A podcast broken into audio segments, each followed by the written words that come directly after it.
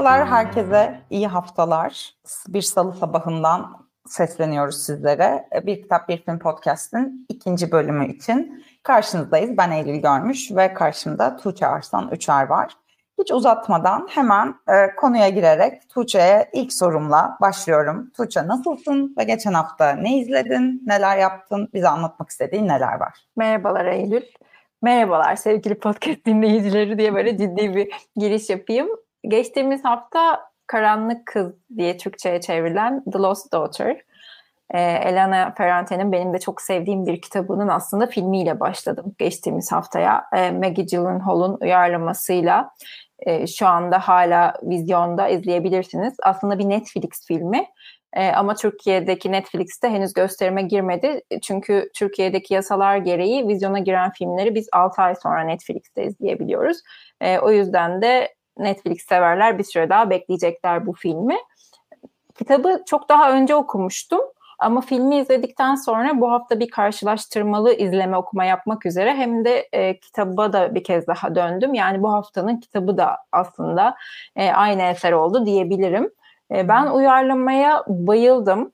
E, kitabı okuduğumda o denli etkilenmemiştim diye hatırlıyorum. İlk, ilk okuduğumda daha doğrusu. E, aslında Elena Ferrante'yi çok severim biliyorsun. E, Napoli romanları da çok sevdiğim bir serisi ama Karanlık Kız o denli sevdiğim bir eser değildi. Aslında Napoli romanlarının da çıkış noktası olmasına rağmen. Ama şu anda filmi izledikten sonra kafamda e, bambaşka bir yere oturdu.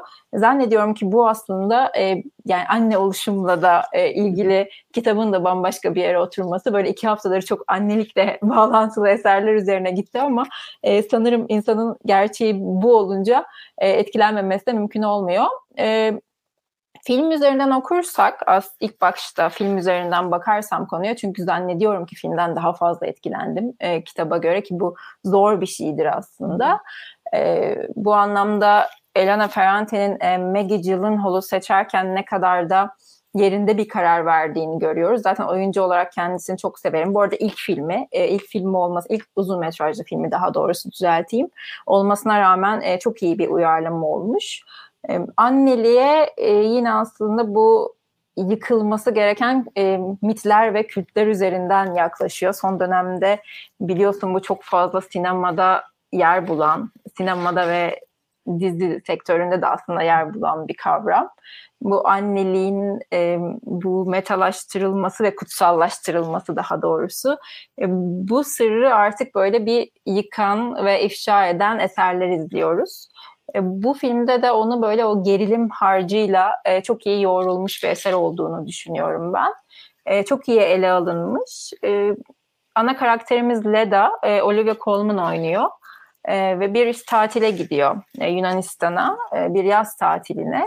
O yaz tatilinin de dokusuyla orada böyle gerilim hissi çok iyi yansıtılıyor. Burada böyle karşılaştırmalı olarak geri dönüşlerle izliyoruz filmi. E, bir gençliğine gidiyoruz Leda'nın. E, bir de günümüzde geçiyor. E, burada Leda kızlarını çok küçükken terk etmiş 3 yıllığına. O yüzden de tatilde karşılaştığı bir aile üzerinden kendi annelik deneyiminin bir yüzleşmesi diyebiliriz. Beni de çok etkiledi. Yer yerde tetiklendim yeni bir anne olarak ama sanırım anne olmasaydım da filmi e, izlerken tetiklenirdim diye düşündüm. E, çünkü hepimizin e, bir şekilde kendi bakım verenimizle, e, annemizle e, belli hikayeleri var, belli bir bagajı var e, o yüzden de filmin e, çok iyi bir bu anlamda uyarlama olduğunu düşünüyorum. E, yine bu da mesela işte son dönemde çok konuşulan Kevin hakkında konuşmalıyız var. Yine böyle anneliği ve aileyi merkezine alan. E, bu filmde bence ondan sonra e, literatürde kendine ciddi bir yer bulacak diyerek sözü sana bırakıyorum.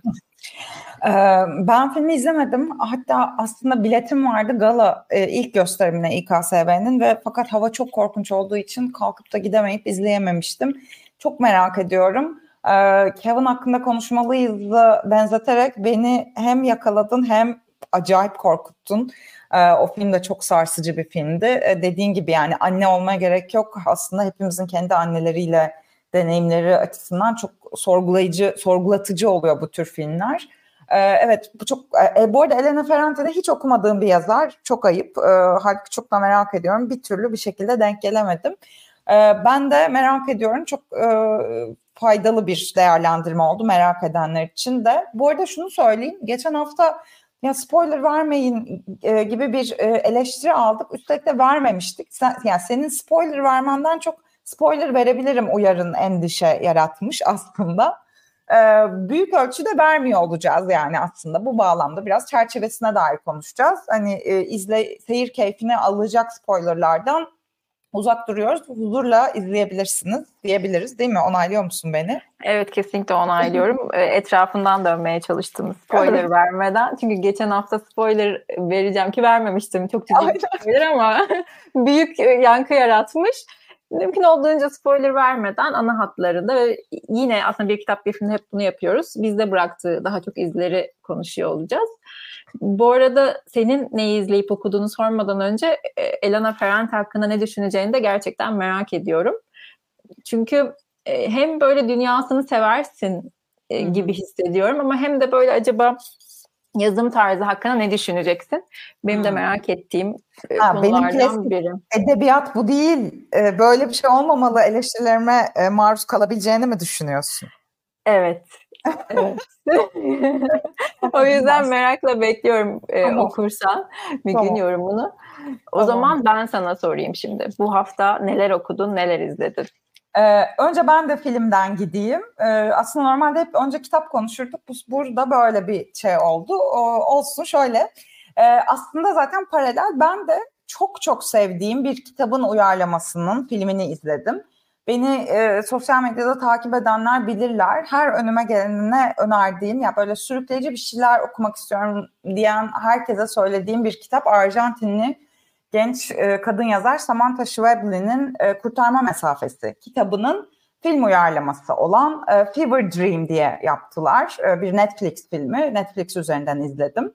E, açıkçası işte sevdiğim kitapların uyarlamalarını izleme konusunda herkes gibi benim de e, soru işaretlerim oluyor. Fakat ve üstelik de kitap kadar iyi değil falan gibi şeyler duymuştum ama e, kesinlikle çok etkileyici buldum. E, bu bir e, yine e, aslında paralel şeyler izlemişiz. E, annelik üzerinden e, iki tane genç annenin e, çocuklarıyla ilişkisini e, izliyoruz. Çok çok gizemli bir mesele var. Çok ürpertici bir film e, ve kitap. E, o yüzden çok fazla içeriğine girmeyeceğim ama şöyle söyleyeyim bana bu kitabı öneren arkadaşım kendini güvende hissettiğin bir yerde oku demişti. Ben de sen kafayı yemişsin ya saçmalama falan demiştim ve fakat sonrasında anladım. E, Datça'da bir otel odasında geçen yaz okudum. E, otelde kalan tek kişiydim ve ışıkları e, açık bırakıp uyudum filan. Yani öyle bir huzursuzluk e, yarattı. Çok tekinsiz çok güçlü. Samantha Schwebl'in öykülerini de okudum sonra. Genel olarak o tekinsizliği çok iyi verebiliyor. Kendisi de zaten sinema okumuş. Ee, dolayısıyla kitaplarında bu şeyi kesinlikle görebiliyoruz. Ee, yani öyle bir görsellik yaratıyor ki e, gerçekten film izler gibi bütün duyularınıza hitap eden bir şekilde yazıyor. Ee, bu kadar aslında geçen hafta Power of the Dog için konuştuğumuz bu kadar güçlü bir e, tam tersi bir yerden konuşmuştuk. Görselliği bu kadar güçlü bir kitabı filme çevirmek nasıl olur diye merak ediyordum. Ben başarılı buldum. Ee, bir e, bir yazlık kasabada geçen bir hikaye bu. Dediğim gibi iki genç anne e, çocuğu bir tanesinin çocuğunda bir e, ne olduğunu söylemeyeyim bir mesele var, bir gizem var ve bu iki annenin çocuklarıyla, birbirleriyle, eşleriyle, kendi kadınlıklarıyla ve anne olarak varlıklarıyla ilişkisini sorgulayan gerçekten çok etkileyici bir filmdi. Kitabını da filmi de bence önce kitabı okuyarak yani filmle ilgili şöyle eleştiriler okudum. E, bu da yine flashbacklerle ilerliyor hikaye. Biraz senaryo dağınık geldi, anlaşılmıyor falan gibi e, yorumlar. Ben böyle hissetmedim ama tabii kitabı okumuş olmamın ve ne olacağını biliyor olmamın e, etkisi olmuş olabilir. Ee, Fever Dream e, kesinlikle Netflix'te bulabilirsiniz izlemenizi öneriyorum. Claudia Losa, e, Yosa adlı bir e, Perulu yönetmenin filmi. E, şiddetle tavsiye ediyorum. Bu haftada izlediğim film bu oldu. Deyip kitaplara geçebilirim ya da sana sorabilirim. E, gerçi sen e, Elena Ferrante'ye göz atmak dışında bir şey bu hafta okumadın yanılmıyorsan değil mi? Evet okumadım. annelik kitaplarımı saymazsak lütfen. İstersen anlatabilirsin tabii ki. Yok o başka bir podcast'in konusu olur diyeyim. Hadi buradan geçeyim ona. Evet ben e, kitaba geri dönüp bir aslında ne oluyor ne bitiyor diye o hissi ben mi kaçırmışım ona baktım. Ee, dediğim gibi yani yer yer Maggie Gyllenhaal'ın kitabın da üstüne çıktığını düşünüyorum diyerek ama kitabı da bu arada çok tavsiye ediyorum. Elena Ferrante'yi genel olarak zaten bütün kitaplarını çok seviyorum. Diyerek sana bırakayım. Sen çünkü bu hafta epey bir şey okudun diye biliyorum. Evet, e, bu hafta verimli bir hafta oldu. Önce geçen haftanın e, konu takibi, e, geçen hafta okumakta olduğumu söylediğim Cortázar biyografisini, Miguel Herrerez'in e, Cortázar biyografisini tamamladım. Ee, geçen hafta konuştuğumuzda böyle yarısını biraz geçmiş gibiydim. Ee, geçen haftaki kadar yüksek duygular beslemiyorum kendisine bulunduğumuz nokta itibariyle. Yani şöyle biyografi yazımı hakikaten zor bir iş. Ee, kötü bir biyografi değil ama e, bence e, yani Cortázar'ı seven, merak edenler için okunabilir ama biraz olaylara fazla odaklanmış. Ben daha çok tanıklıklar yani yazarı tanıyan insanların gerçek anılarını okumayı çok seviyorum. Biraz fazlaca olay odaklıydı yani şu tarihte şuraya gitti sonra bunu yaptı vesaire falan hani e, bundan çok daha hisler, duygular, yaşanmışlıkları anlatan şeyleri sevdiğimi fark ettim. Biyografi yazmak da çok zor iş. E, hatta şunu da söyleyeyim hatta en sevdiğim biyografilerden biri e, Gerald Martin'in daha önce de çok referans verdim. Marquez biyografisidir. O kitabı Marquez tarafından yazılmamış bir Marquez kitabı olarak tanımlamıştım. İş Bankası Kültür Yayınları yayınlamıştı vaktiyle. E, hakikaten bir yazar biyografisini yazarken o yazarın ruhuna bürünebilmek diye bir meziyet varmış hayatta. Bu kitapta onu göremedim. O biraz üzücüydü. E, ardından e, Amin Maluf'un e, son kitabı e, geçen sene Mart'ta yayınlanan Empedokles'in Dostlarını okudum. Bu kitapta çok iyi eleştiriler almamıştı aslında. Maluf'u herkes tarihsel romanlarıyla biliyor ve seviyor. Biraz muhtemelen e, gele, e, distopik bir gelecekte geçen bir kitap bu. Yani günümüzde e, yani tarih vermiyor ama biraz böyle bir şey bir taraf var. Biraz bilim kurguya eğilen. Sanırım e, mazluf okurları çok alışık olmadıkları için biraz e, şaşkınlıkla karşıladılar. Halbuki daha önce de Beatrice'den sonra birinci yüzyıl gibi bir denemesi vardı bu anlamda yaptığı 92'de yayınlanmış. O da bir distopyaydı. Ee, ben bu eleştirilere katılmadım ve çok beğendim kitabı. Ee, bizimkinden e, farklı bir uygarlığın dünyamıza ayak basması e, ve e, onların başka biçimde gelişmiş olduklarına dair bir anlat. Yani şunu sorguluyor. Birbirimizle savaşmak, kavga etmek, boğuşmak ya değil başka bir şeye odaklansaydık uygarlığımız nerede olurdu sorusuna yanıt arayan. Aslında e, bu anlamda bu, bu buna odaklandığı çok kitabı var Maluf'un. En son e, yine okuduğum Uygarlıkların Batışı kitabında da tam olarak bunu anlatıyordu. O bir deneme. Bu kitap sanki onun kurgu versiyonu gibi. Bir de böyle anlatayım size bakın demiş gibiydi. Ee, umutlu her zamanki gibi Maluf bütün eleştirilerini yaptıktan sonra da her zaman umutla bitiren bir yazar. Ee, onun bu umudunu, inancını, insanlığa olan inancını da çok seviyorum. Ee, devam ediyorum. Sonra e, çok çok çok sevilen bir e, kitap olan e, Meksikalı yazar Laura Esquivel'in e, Acı Çikolatasını okudum. E, Can yayınlarından bu da. E, elimdeki 20.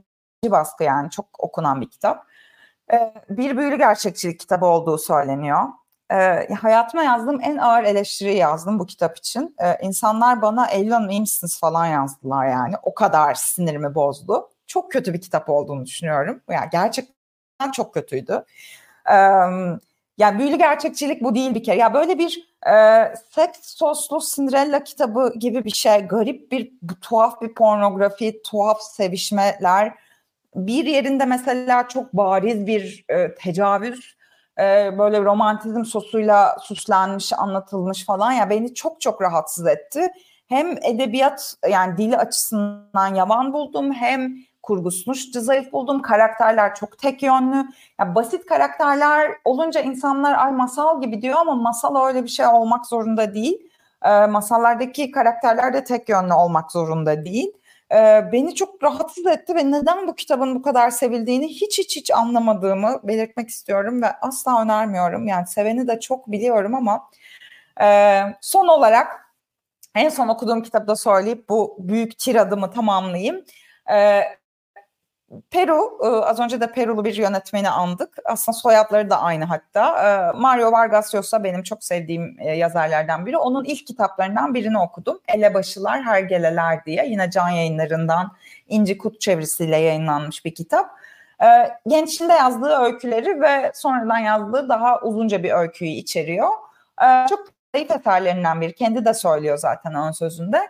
Ama e, Yosa'nın ilgilendiği konular yani böyle özellikle mesela e, erkek e, grupları, ergen erkeklerin arasındaki dinamikler, baskıcı rejim, e, mahalle kültürü filan gibi odaklandığı konuları e, böyle bir hap gibi veren yani e, nereden başlamalı serisine devam etmiyorum ama mesela Yosa için buradan başlanabilir diyebilirim. E, bir yazarla tanışma kitabı olarak çok e, hoş bir kitap olduğunu düşünüyorum. E, hali hazırda da tamamen bambaşka bir coğrafyaya uzandım. Dostoyevski'nin ötekisini okumaktayım. Onu da haftaya konuşuruz. Ee, kusura bakmayın bu uzun şeyden ötürü biraz verimli bir haftaydı benim için. O yüzden böyle oldu. Yok çok keyifli oldu. Diğer diğer gezdik adeta. Eylül seninle epey coğrafya, farklı coğrafyalardan okumuşsun. Ee, çok da keyifli bu acı çikolata ile ilgili yorumunu ben de gördüm Instagram'da. Bilmiyorum epey insanı üzdün diye tahmin ediyorum bu sert yorumlarla ama yapacak bir şey yok. Arkadaşlar Eylül görmüş biliyorsunuz. Sevdim mi tam sever. Aynen öyle. Bir ayarım yok yani. Ya öyle deme bak Yosa ile ilgili hani yani çok iyi değil ama kötü değil. Ortadan konuşmayı başardım ya. Yani bu gerçekten olacak iş değildi Tuğçe. Yani neyse artık sevenlerden diyerek ben okumadım e, ama merak ettim yorumun üzerine. E, yani hani okumaya şu anda okumalı mıyım bilmiyorum. Kesinlikle okumayın dedin ama o kadar çok gömünce de bir yine de bir okuma hissiyatı doğurdu bak. Reklamın iyisi kötüsü olmaz dedikleri Kesinlikle noktadayım şu anda. Bunu diyenler de oldu. Hiç bir kitapla ilgili bu kadar kötü konuştuğunuzu duymamıştık. Gidip okuma okuyasımız geldi diyenler oldu. Hani ne kadar kötü olabilir ki gibi bir yerden ama gerçekten kötü yapmayın vaktinize yazık. Yani fikir çok iyi bu arada. Böyle yemek tarifleri üzerinden bir aile hikayesi anlatmaya çalışıyor diyeceğim nazikçe. Ee, yani şey çok tatlı bir fikir aslında o yemek e, kültürünü, geleneksel tarifleri içine katmak. Ee, ama yok gerçekten e, edebiyat bu değil eleştirilerimi sonuna kadar e, hak eden bir eserdi öyle söyleyeyim. Peki. Haberler kısmına geçelim istersen. Haberlere geçelim. Bir toparlayalım. Bu hafta neler var, neler yok, neleri listenize alabilirsiniz. Bir geçen hafta vizyona giren e, ayrı dünyalar vardı. E, Juliette Binoche'u bu ekibin ne kadar sevdiğini bizim programımızı takip edenler bilir. Ben filmi izlemedim ama Eylül izledi. Sanırım onun minik de bir yorum olacak burada. Eylül ne düşünüyorsun filmle Ya evet kısaca söylemek istiyorum. Ee, film ekiminde izlemiştim. Ee, çok çok etkilenmiştim filmden. Ee, bir e, kapitalizm eleştirisi film.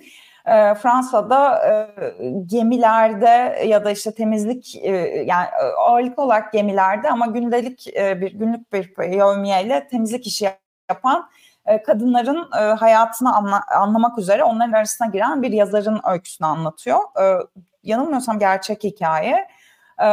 Juliette Binoche zaten yani olağanüstü, olağanüstü her zamanki gibi. o kadınların hayat koşulları ve Fransa'daki özellikle son yıllarda artan o sosyal adaletsizlik tartışmaları ile ilgili e, çok e, ilginç şeyler söyleyen ve çok e, kafa karıştıran bir filmdi. Çok çok beğendim. Geçen hafta konuşamamıştık. Hala gösterimdeyken e, fırsat bulanların izlemesini çok tavsiye ediyorum. E, bir de geçen haftadan sanırım bu kadar. Bir de bu hafta gösterime girenler var herhalde konuşacağımız. Evet, bu hafta gösterime giren var. Ee, bu haftanın çok konuşulan ve çok beklenen, merak merak edilen filmi e, Drive My Car var. O da tabii bir Murakami uyarlaması olduğu için e, bu kadar çok merak ediliyor ve konuşuluyor. Uzun bir film bu arada baştan uyarmış olayım. 2 saat 57 dakikalık izlemek isteyenler bunu göze alıp gitsinler. Eylül de Murakami hakkında yine keskin fikirleri olan e, bir arkadaşımız olduğu için yine Eylül'e dönüyorum burada. Ben niye böyle bu yayının şeyi gibi agresifi gibi oldum bu sefer ama evet ben filmi izlemedim. Ee, geldi. Evet ya böyle biraz ya uzak doğu sinemasıyla da benim çok bir şekilde bir ilişki kurmakta güçlük çekiyorum. Bu da çok ayıp bir şey yani ırkçı gibi bir beyan ama hani hem Murakami uyarlaması hem öyle olduğu için merak edip de izlemedim mesela film ekiminde. Ama evet yani bu yılın en çok konuşulan filmlerinden biri ve e, bu hafta sonunda vizyona geldi. E, izlemek isteyenlerin bilgisine sunmuş olalım. E, izleyenler bize de yazsın, biz de faydalanırız fikirlerinizden. Evet, sevenleri genelde e, Murakami uyarlamalarını beğeniyorlar aslında. Çünkü tarz itibariyle zaten filme uyarlanmaya da uygun yazıyor Murakami. Hmm. E, benim de bu arada favori yazarım değil. Yani şimdi böyle sana topu atmış gibi oldum ama e, ben de böyle Murakami'ye çok bayılmam. E, ama seveni çok diyelim. Yuvarlak yanıtlarla bu bölümü de geçmiş olalım. E, dijital platformlarda neler var? Bir onlara göz atalım istersen kısaca. E, Mubi'ye Yeşim Ustaoğlu filmleri geliyor. 26 Ocak'ta aslında başladı. İzle birlikte. Sonra Şubat ayında Yolculuk Pandora'nın Kutusu Araf arka arkaya eklenecek. E, ben de mesela Pandora'nın Kutusu özellikle çok sevdiğim e, filmlerinden bir tanesidir. E, sen de seviyorsun hatırladığım kadarıyla Yeşim Ustaoğlu'nu zaten. Evet, ee, evet. Ne kadar çok fazla filmi izlemedim ama izlediklerimi e, yani oldukça ilgimi çekmişti. Ben de bu vesileyle biraz belki e, kendimi bu anlamda geliştiririm. Aynen Mubi'de yine yakalayabiliriz. Yine Titan var. Geçen hafta bahsetmiştik Mubi'de. E, şu anda e, Sezar ödülleri de açıklandı. Böyle orada da beklediği ilgiyi tam olarak göremedi ama o da yine çok konuşulan filmlerden bir tanesi. Ben e, onu izledim. Ha, şey izledin söyleyeyim. sen evet. İzledim. Film ekiminde izledim ve hiç sevmedim. Ee, yani şey çok fazla e, yani bir tür böyle yani işte ben yönetmenin e, bir önceki filmi Raw o da çok konuşulmuştu. Onu da izlememiştim ama biraz e, şiddeti bu kadar bu biçimde böyle zaman zaman estetize ederek vizyona taşıma durumu beni biraz ürkütüyor, rahatsız ediyor. Çok rahatsız edici bir film Titan'da. Ee, evet çok konuşuldu. Kanda altın, altın palmiye aldı zaten. Yılın önemli filmlerinden biri. Ama yine tetikleyici olabilecek bir film. En azından o uyarıyı yapmış olalım izlemek isteyenler için. Mesela ben bu ara ki ruh halimle sanırım hiç izleyemem gibi e, düşünüyorum. Ama meraklıları için iyi bir fırsat şu anda mı bir de kaçırmayın diyelim. Blue TV'ye de Leto geldi. Yaz. E, 2018 yapımı. 2018'in benim en sevdiğim filmlerinden biri. E, Rusya sinemasından e, Kiril Serebrennikov'du yönetmenin soyadı hatırladığım kadarıyla.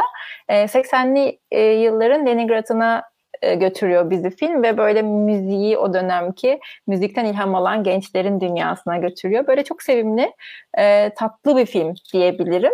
Biraz daha yumuşak, Titan'ın üzerine biraz daha yumuşak bir seyirlik arayanlar da Blue TV'de var şu anda. E, bir de ben bu hafta Netflix'te Archive e, 81'ı izledim hafta sonu. E, çok uzun uzun konuşulacak bir yapım değil bence e, ama böyle gerilim, korku türünden hoşlananlar için e, o da böyle 8 bölümlük yani hatta böyle bir binge fırsatı da olabilir. E, izleyebilirsiniz diyerek sana bırakayım bu haftanın kitaplarında neler var. Evet, hızlıca bir de onlara bakalım. Ee, ben haftanın en heyecan verici gelişmesi Instagram'da da paylaşmıştık zaten. Ee, yıllar yıllar sonra e, Rosa Hakmen'in ardından e, birinin Proust'un kayıp zamanın izindesini çevirmeye cesaret edebilmiş olması. Ee, bu hafta duyuruldu Aylak Adam yayınları yeni e, Proust çevirileri sadece kayıp zamanın izinde değil hepsi e, neredeyse İsmail Yarguz çevirisiyle ki kendisi zaten Balzac, Zola, Stendhal, Rousseau gibi pek çok Fransız büyük yazarı çevirmiş bir isim. Onun çevirisiyle yayınlanacak. Ee, çok merak ediyorum yani Rosa Hakman e, memleketimizin en önemli çevirmenlerinden biri malum. Hem e, Fransızca hem İspanyolca e, hem İngilizceden çeviri yapıyor. E, ve Proust da biraz onunla özdeşleşmişti. Yıllardır başka bir çevirisi yayınlanmamıştı. Ee, bakalım göreceğiz. Çeviri çok öznel bir şey malum. Instagram'daki postumuzda bu konuda biraz böyle örnekleyerek e, şey yapmıştık. Bakabilirsiniz daha önceki mesela Tahsin Yücel veya Yakup Kadri Karaosmanoğlu çevirisindeki aynı cümleyi Roza Hakmen'in nasıl başka türlü çevirdiğini e, bir örnekle anlatmıştık. E, bu da İsmail Yargıç çevirisi de merak ediyoruz, merakla bekliyoruz. Bence en heyecan verici haber buydu. Ee, onun dışında da bir, bir takım böyle e, küçük haberler var. Biri e, Bukowski'nin ki ben pek de hoşlanmam kendisinden ama malum seveni çok. E, Türkçe'de ilk kez yayınlanan bir takım şiirleri piyasaya çıktı. Parantez yayınları tarafından. Cehennemden Bir Köpektir Aşk isimli. Ne kadar Bukowski bir isim değil mi? Yani daha Bukowski bir kitap ismi olamaz.